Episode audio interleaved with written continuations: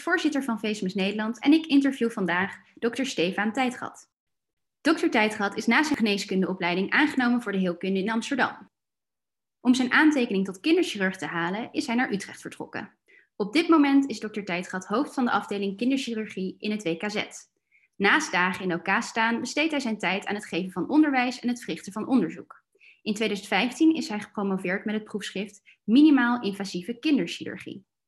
Hij onderzocht daarvoor de genezing van darmnaden tijdens laparoscopische chirurgie en de effecten die het aanleggen van een pneumothorax heeft op de fysiologie en zuurstofvoorziening van de hersenen.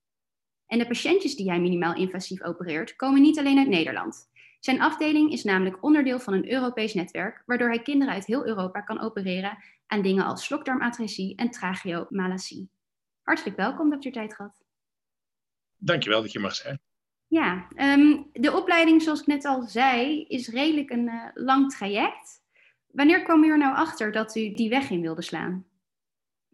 Ik kwam er al snel achter dat ik eh, meer tijdens mijn kooschappen dat ik meer voor de chirurgie moest gaan.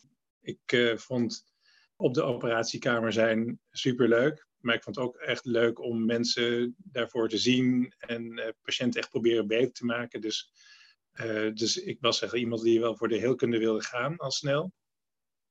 Tijdens de opleiding zelf had ik al het idee dat kinderchirurgie wel wat voor mij zou zijn. En ik ben op een gegeven moment in het AMC heb ik ook speciaal aangevraagd om daar een stage tijdens mijn opleiding voor te doen die gemeenschappelijke deler dat u graag patiënten wil helpen met de handen, dat hoor ik vaker van uh, chirurgen.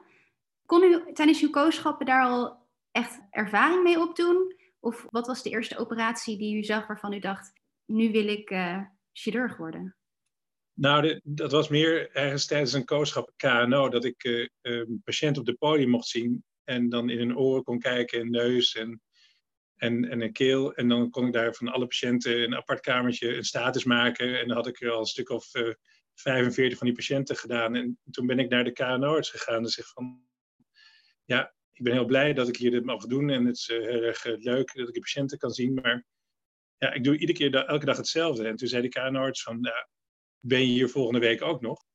Dan moet je naar, mee naar de OK gaan. Dan werd een gehoorgangreconstructie werd gedaan. En en daar mocht ik meekijken en ik was uh, ongelooflijk onder de indruk van. En die kanoot zei, zei van, ja kijk, dit zijn nou echt de krenten uit de pap. Hier doe je het allemaal voor.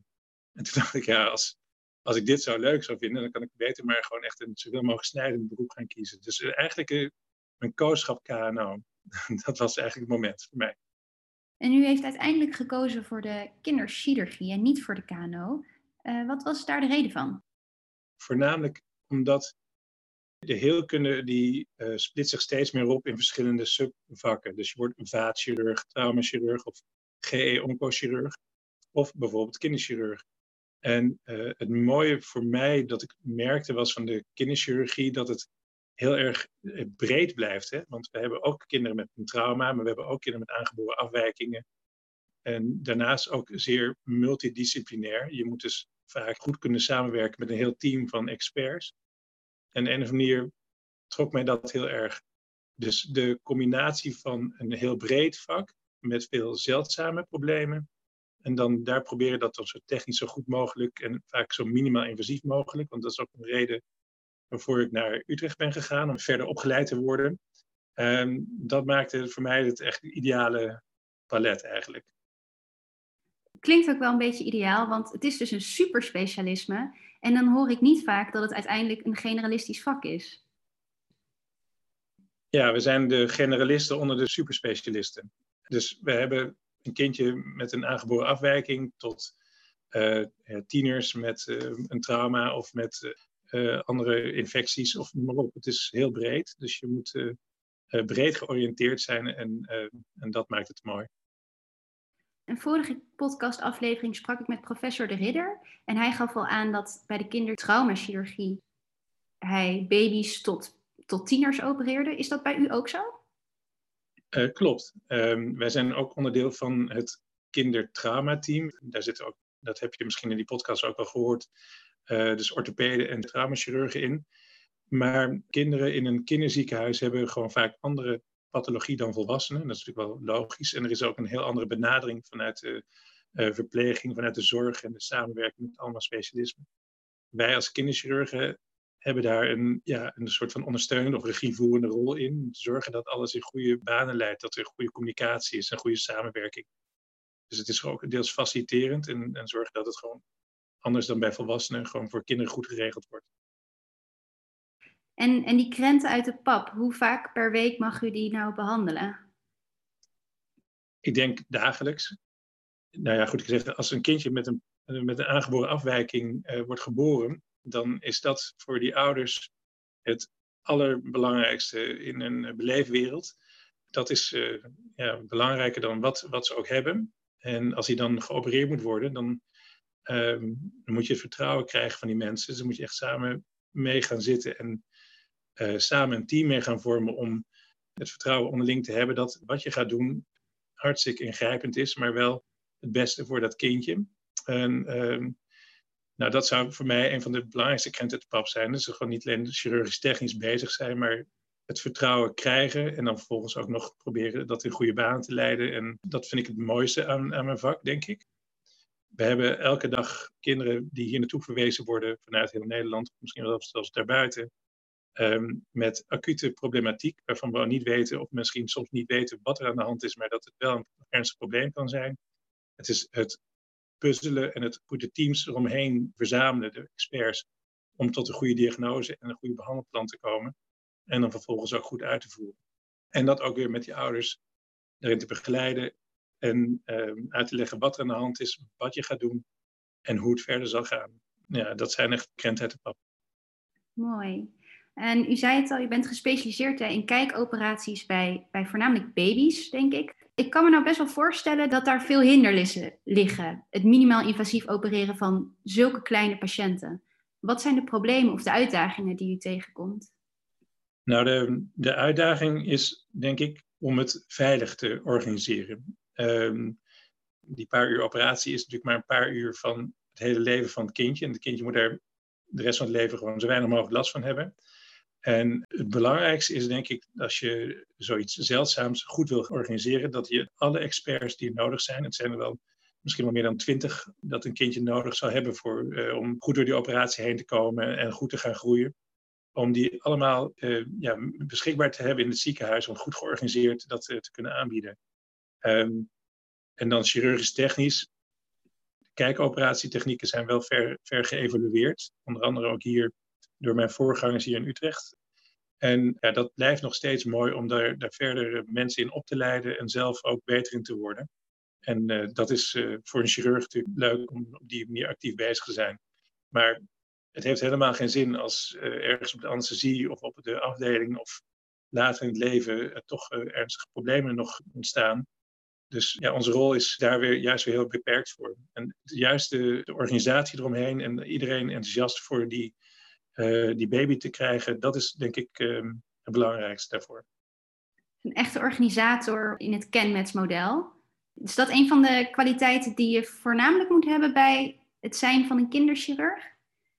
Nou ja, ik denk als je, als je het voor je eigen eer en glorie doet, dan uh, kom je helemaal nergens. Dan komen de patiënten niet, dan krijgen ze ook niet verwezen en dan krijgen ze van de kinderarts niet of van de ouders niet. Nou, het is niet zozeer organiseren, maar mensen zien de voordelen ervan. Um, als daar goede harmonie in het team is, um, dan krijg je ja, minder complicaties, tevreden patiënten, tevreden ouders. Dat betekent dat je meer verwijzingen krijgt. Dus ik denk dat het een, een positieve spiraal is die zichzelf eh, alleen maar versterkt. En zo'n team bij elkaar krijgen, hoe, hoe doet u dat? Is dat één MDO? Of als er een patiënt aangemeld wordt, wat, wat voor stappen moet u dan ondernemen? Voor elke patiënt zijn er verschillende MDO's noodzakelijk voor de verschillende fases. Uh, dat georganiseerd te krijgen. Dus het zijn verschillende divisies, afdelingen waar mensen specifiek voor moeten zijn. Je moet natuurlijk met het ziekenhuis praten dat voor bepaalde patiëntencategorieën dat, dat er verschillende specialismen aanwezig moeten zijn. Dat ziekenhuis moet erkennen en herkennen en, en daar ook steun aan geven. En dat is uh, breed aanwezig. Maar we doen ook niet alle aangeboren afwijkingen hier in Utrecht. Dus we hebben ook in Nederland hebben we besloten met de kinderchirurg en de kinderartsen uh, dat verschillende aangeboren afwijkingen in maar een aantal centra gedaan worden. Dus je hebt een landelijke afspraken daarover om het op die manier beter gecentreerd te doen. Bijvoorbeeld zo'n slokdarmatresie komt pak een beet 40 keer per jaar voor in Nederland dat het kindje ermee geboren wordt. En we hebben in Nederland afgesproken dat, dat in drie centra, dus Amsterdam, Rotterdam en Utrecht, dat die kinderen daarvoor geopereerd gaan worden. Dus de kinderen kunnen uit Groningen verwezen worden bijvoorbeeld um, naar Amsterdam of naar Utrecht of zelfs naar Rotterdam, waar het, hoe ervoor ligt. Maar andere afwijkingen gaan van ons centrum weer naar een ander centrum. Ja, um, en voor de luisteraars die nu luisteren en die denken, kinderchirurg, dat lijkt mij wel wat. Wat is dan het beste plan van aanpak? Idee voor de kinderchirurgie groeit natuurlijk, wat mij betreft, tijdens je studie en vooral ook tijdens je kooschappen. Ehm, nu is voor, zeker voor de kooschap, is de kinderchirurgie een uh, stage waar je voor kan kiezen. Niet iedereen kiest ervoor, dan moet je wel liggen. Je komt in een, uh, in Utrecht in ieder geval in, echt in een kinderziekenhuis te werken. Uh, daar kom je ook heel veel andere specialismen tegen, anders dan echt op een hele alleen chirurgische afdeling. Dus uh, als je het interessant lijkt om uh, met kinderen om te gaan en, en veel exposure voor te hebben, is dat een uh, goede tip, zou ik zeggen, om daarvoor in te schrijven. Daarnaast zijn de ASAS-stages hier van 12 weken. Dan word je deels echt als zaalarts en dan moet je die multidisciplinaire zorg echt heel goed gaan beheersen. Je moet rekening houden dat je 80% van de diagnoses die voorbij komen, dat je ook nog niet eerder gezien hebt. En dan de multidisciplinaire zorg daar proberen goed voor uh, regelen. En dan zorgen dat de overdrachten daarvoor goed gaan. En zorgen dat die patiënten daar goed mee gecommuniceerd wordt. Het is dus een heel erg afwisselend, heel verantwoordelijk rol die je kan spelen. En um, ja, ik denk dat elke dag iets gebeurt wat je die ochtend nog niet wist. Zeker die stage zou ik uh, mensen zeer willen aanraden. Um, en verder hebben we ook nog de keuzestages uh, die daar nog naast lopen. Maar dat is meer dat je in de kliniek komt, dat je mee moet gaan kijken op de couveuseafdeling of een kindje wel of niet geopereerd moet worden, bijvoorbeeld. En meer op de OK terechtkomt uh, en verschillende operaties gaat meemaken. En een acute patiënt op de poli ziet en dat soort dingen. En meer als consulent in het ziekenhuis. En dat heeft u toen ook gedaan toen u uh, uw kooschappen liep? Ja, ja ik, ik, ben, ik was zelf uh, in het AMC toen het kooschap kindergeneeskunde was. Uh, en uh, daar zag ik de chirurgen langs de, langs de patiënten lopen. En toen dacht ik, wauw, dat ziet er fantastisch uit. Uh, en dan gaan ze nog opereren ook. Dus, dus, ik, dus ik, ik heb het ook tijdens mijn kooschappen zo meegemaakt. Dat klopt. Kiest u er altijd voor om minimaal invasief te opereren? Of zijn er ook bepaalde patiëntjes die u toch open moet opereren? Minimaal invasief moet je eigenlijk zien als doe zo weinig mogelijk schade aan de patiënt. En uh, dat heeft niet alleen met de operatietechniek te maken, maar bijvoorbeeld ook bij de anesthesie of de bewaking van de hersenen tijdens de operatie bijvoorbeeld, of de, de, de afdeling of de begeleiding later in het leven. Dus het is niet alleen puur kijken met een camera een operatie doen of met een kijkoperatietechnieken. Um, het is zeker daarom niet heilig. Uh, ik denk dat als iets met een klassieke of een open operatie veiliger is of beter uitvoerbaar is, dan, zullen we dat absoluut doen. En uh, als we met een kijkoperatie starten en dat heet dan converteren naar een open operatie, dan zullen we het voor een goede reden doen. En dat zien we niet als een soort van falen van een bepaalde techniek. Uh, nee, het, is, het doel moet zijn om zo veilig mogelijk te behandelen met zo weinig mogelijk schade.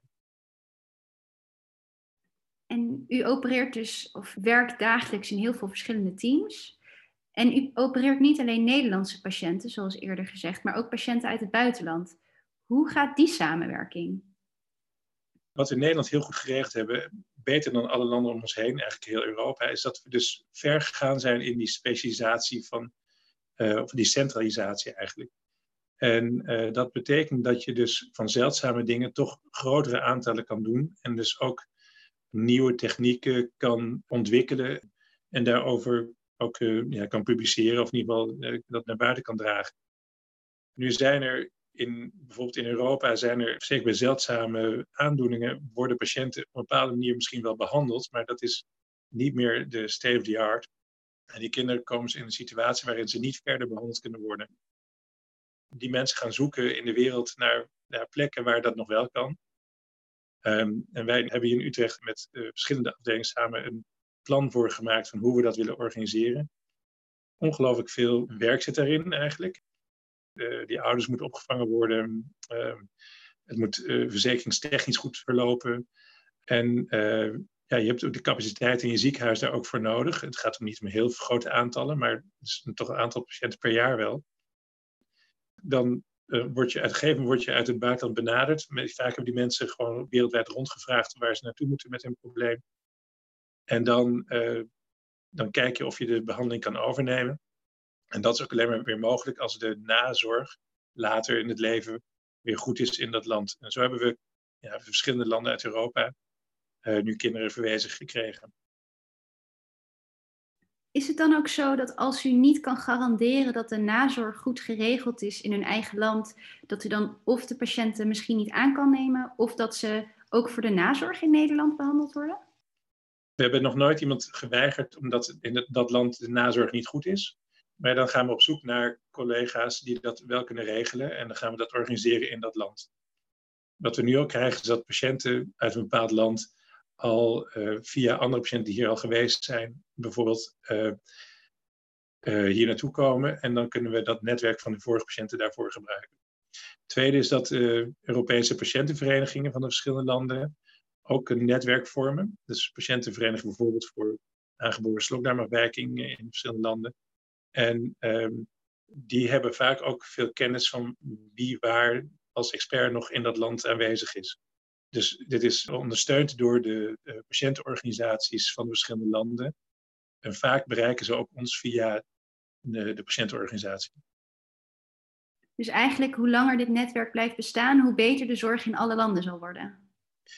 Ja, dat is een, eigenlijk de Europese Unie heeft dat uh, zo ontwikkeld. Dat heet een European Reference Network. Dus voor een aantal zeldzame ziekten hebben ze, heeft de Europese Unie dat ingesteld. Wij zijn onderdeel van zo'n reference netwerk voor de slokdarmatresie.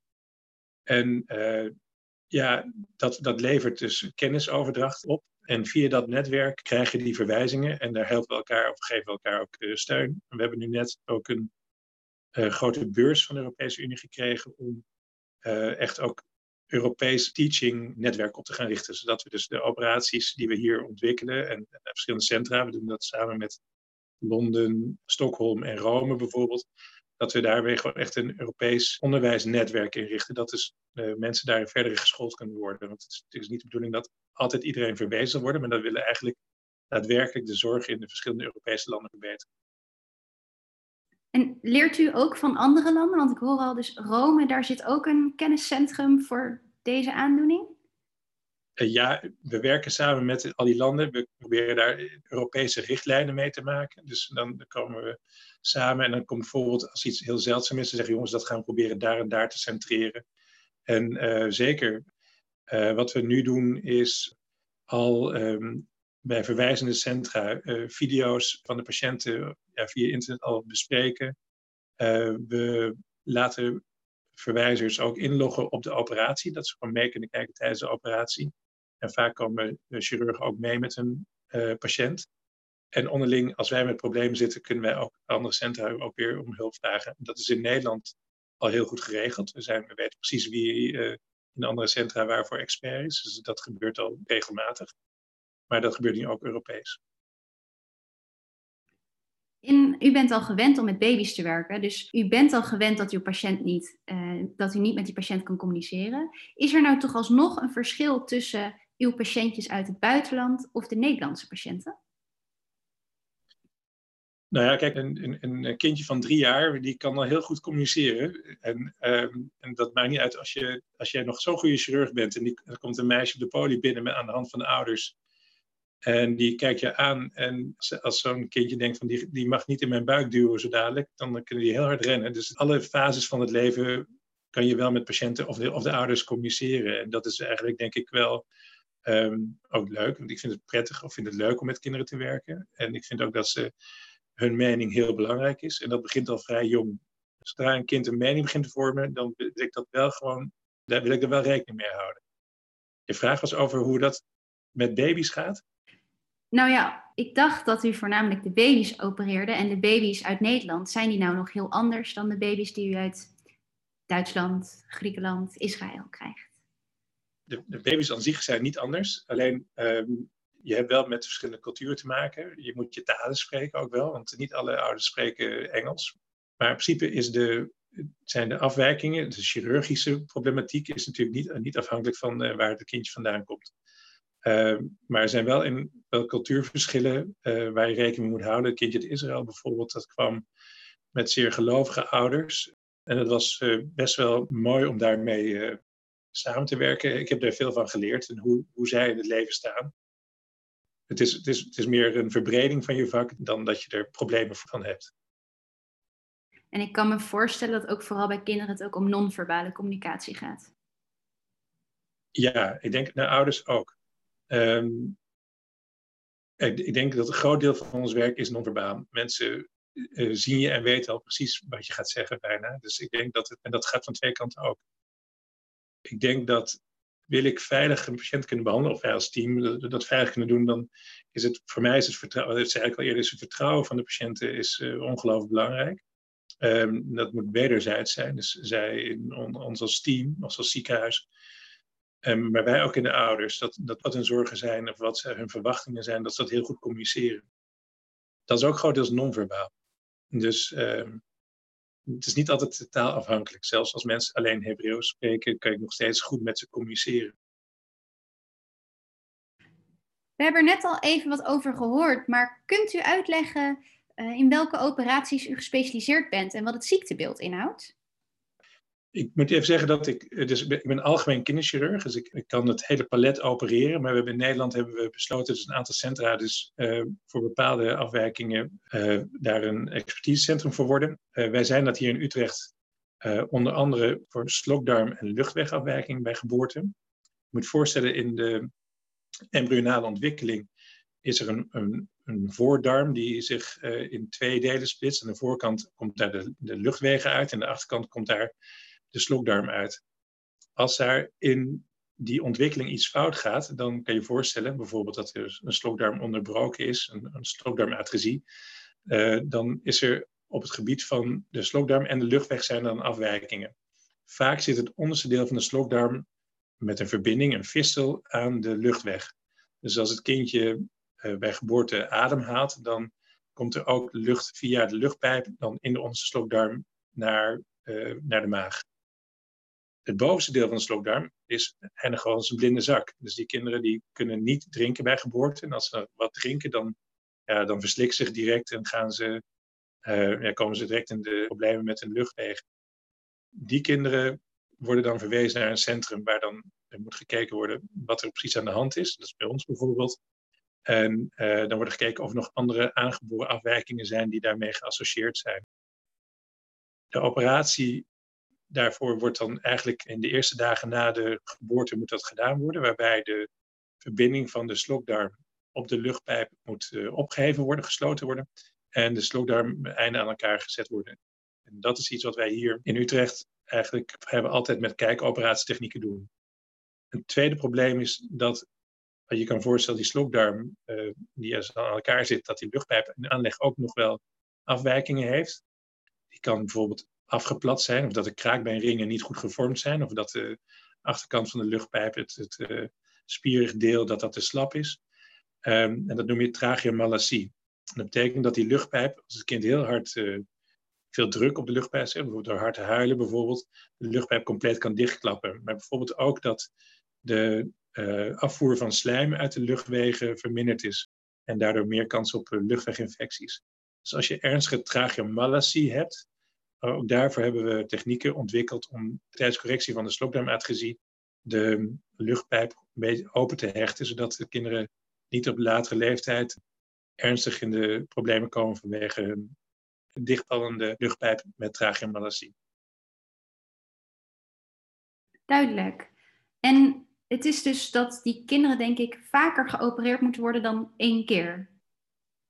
Wat we proberen is in één operatie um, klaar te zijn en de, de slokdarm uh, te corrigeren. Uh, dat betekent dat kinderen eigenlijk in de eerste week na geboorte met streven naar gewoon met borstvoeding um, kunnen gaan groeien. Nu is die slokdarm, kan je je voorstellen, ja, dat, dat, is vrij klein en kwetsbaar. Dus het is niet helemaal zonder problemen. Er kan een lekkage ontstaan, wat meestal met een, met een drain wel verholpen kan worden. Maar de, de aansluiting, de anastomose, kan ook vernauwen en die moet dan soms nog opgerekt worden. Meestal in het eerste jaar een aantal keer. Maar we hebben ook kinderen die dus eigenlijk snel na geboorte gewoon thuis zijn met een gecorrigeerde slokdarm. Wat een verandering dan van uh, niet kunnen groeien naar in één keer klaar. Ja, dit is een uh, niet met het leven verenigbare afwijking. Uh, en een kind heeft een aantal basale functies vanaf geboorte die absoluut goed moeten zijn. Een kind moet veilig kunnen ademhalen, wat niet kan, zeker als verbinding naar de maag is. Um, en een kind moet kunnen gaan groeien en kunnen leren drinken en, uh, en ontwikkelen. En dat is allemaal niet mogelijk. Dus um, ja, het is natuurlijk ongelooflijk mooi vak om uh, dit uh, zo goed mogelijk te kunnen organiseren. En uh, ja, daarom denk ik dat ik nog een tijdje dit kan volhouden. Mooi, gelukkig. Um, veel van onze luisteraars zijn geneeskundestudenten. Heeft u nog kennis of tips die u aan deze jonge collega's zou willen meegeven? Ik denk dat je, voor de kinderchirurgie, heb ik net verteld, dat je, eh, zou ik zeggen, als je het interessant lijkt, probeer die stages te regelen. Het is, uh, het is niet, niet iedereen uh, schrijft zich daarvoor in of kan zich daarvoor inschrijven. Um, ik heb zelf heel veel gehad aan mijn kooschappen om te zien wat ik, wat ik leuk vond en ook wat ik, uh, wat ik niet leuk vind. Ik zou dus denken, als je kooschap doet, zou ik voornamelijk ook kijken waarom dingen misschien minder bij jou liggen. En ik zou ook, als je ergens enthousiast voor bent, al snel gewoon vragen om ergens een keer mee te kijken. We hebben best vaak scholieren die een dagje meelopen. Nou, dat is, en zeker ons vak is natuurlijk wel goed te verkopen. Als je, als je een scholier meekrijgt die ja, inderdaad een babytje ziet of een operatie daarvan. En dat meemaakt, het is zo indrukwekkend. En ik denk dat als je het je iets lijkt, kijk dan of je een keer mag meelopen. Ook kan ook tijdens een studie.